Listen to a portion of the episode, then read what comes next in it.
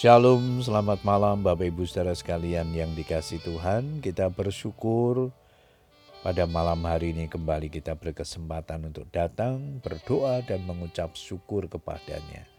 Namun sebelum berdoa, saya ingin mengajak kita untuk merenungkan firman Tuhan yang malam ini diberikan tema hidup yang menghasilkan buah. Ayat mas kita di dalam Kolose 1 ayat yang ke-10 Firman Tuhan berkata demikian. Sehingga hidupmu layak di hadapannya serta berkenan kepadanya dalam segala hal dan kamu memberi buah dalam segala pekerjaan yang baik dan bertumbuh dalam pengetahuan yang benar tentang Allah. Bapak Ibu Saudara sekalian, kita sering diingatkan bahwa kehidupan kekristenan itu harus berbuah buah yang dikehendaki Tuhan untuk kita hasilkan bukan sekedar kita membawa orang-orang untuk percaya kepada Tuhan. Tetapi yang terutama sekali adalah bagaimana hidup kita ini berdampak bagi orang-orang di sekitar kita melalui karakter yang kita teladani daripada Tuhan Yesus Kristus.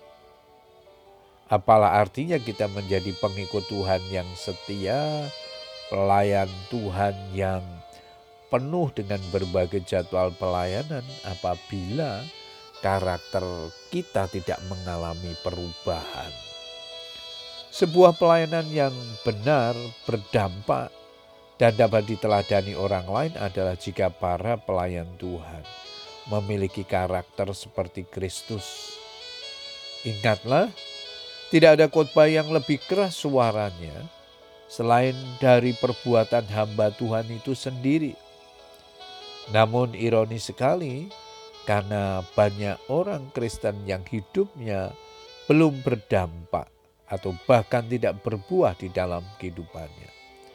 Jika ini yang terjadi, berarti standar hidup kita masih jauh daripada standar yang ditetapkan Tuhan kita tidak memenuhi kehendak Tuhan, yaitu hidup yang menghasilkan buah.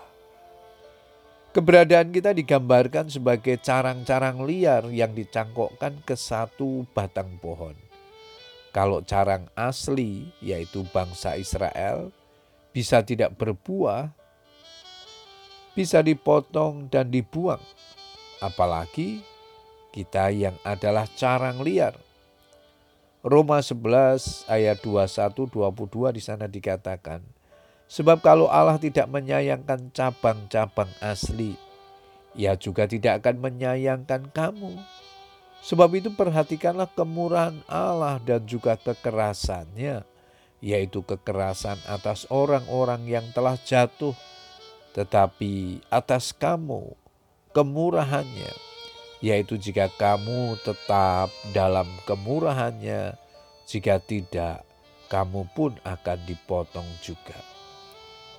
Untuk menghasilkan buah, harganya sangat mahal, yaitu harus rela kehilangan segala kesenangan daging, meninggalkan segala kenyamanan, dan menjadikan Tuhan sebagai kesukaan dalam hidup kita.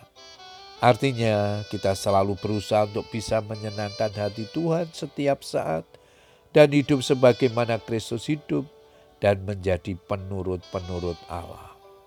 Hidup yang memenuhi standar Tuhan adalah hidup yang berbuah, dan kunci untuk menghasilkan buah adalah melekat kepada Tuhan.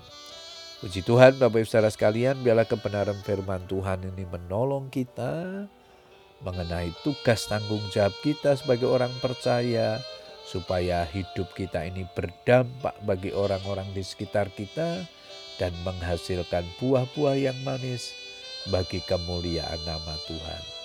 Selamat berdoa dengan keluarga kita. Tuhan Yesus memberkati. Amin.